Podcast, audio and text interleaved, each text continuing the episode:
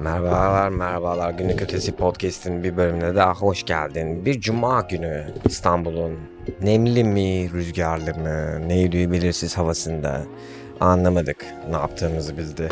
Ne yaptığımızı aslında anlıyorduk da işte yaparken birazcık sanırım kendimizi ifade etme problemleri yaşadık insanlara karşı. İnsanlara karşı kendini ifade etme problemi yaşadığında sen ne yapıyorsun? Ne yapıyorum ben sana söyleyeyim. Ben hemen kendimi ifade etmeye başlıyorum.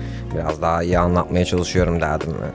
Derdini anlatmanın tek yolu aslında bir şeyleri söylemek de olmayabiliyor. Bir başkasına özellikle anlatırken. Derdini kendine anlatırken bir şeyler söylemek belki mantıklı. Çünkü aslında yine o cevap sende olduğu için o cevaba soru cevap ulaşabiliyorsun ama bir başkasıyla sadece durman da bazen yeterli olabiliyor bir şeyleri anlatmak için. Bir şey anlatmak zorunda değilsin aslında. Önemli olan bunu anlamak. Her zaman bir şey anlatmak zorunda değilsin. Bazen bir şeyleri anlatmasan da zaten insanlar kendi kendilerini anlayacaktır. Kendi kendilerine anladıkları şeylerse senin aslında çizdiğin çizgiler oluyor.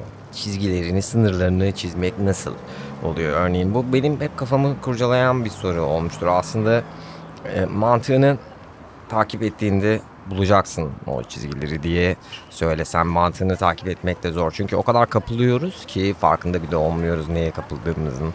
Yani çok yoğun öfke gibi şeylerin yanı sıra yani kapıldığın bir hal oluyor ve o hal seni belli bir moda, belli bir bakış açısına, belli bir yere sokuyor. İnsanların beklentileri oluyor senden. Bu beklentileri karşıladığında bir şey oluyor. Karşılamadığında bir şey oluyor. Yani bir beklentiye giren birinin o beklentisi işte senin güler yüzün olabilir. O güler yüzü vermediğinde tabii ki de karşı taraf başka bir şey düşünebilir. Ama bu önemli değil. Önemli olan çünkü insanlar düşünürler. Öyle gülümsesen her zamanki gibi o zaman da başka bir şeyi düşünmeye devam edecek belki.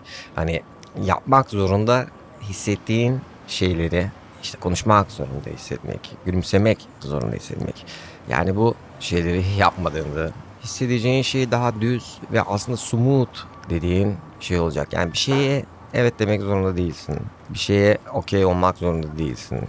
Bir şeye okey olmadıktan sonra nasıl davrandığın, nasıl bir yerde durman gerektiğine karar verebildiğin yer oluyor. İşte orası da kendini dizginlediğin yer oluyor. Dizginlemek, dizginlemek diyoruz. Yani sen bir şeye okey değilsin.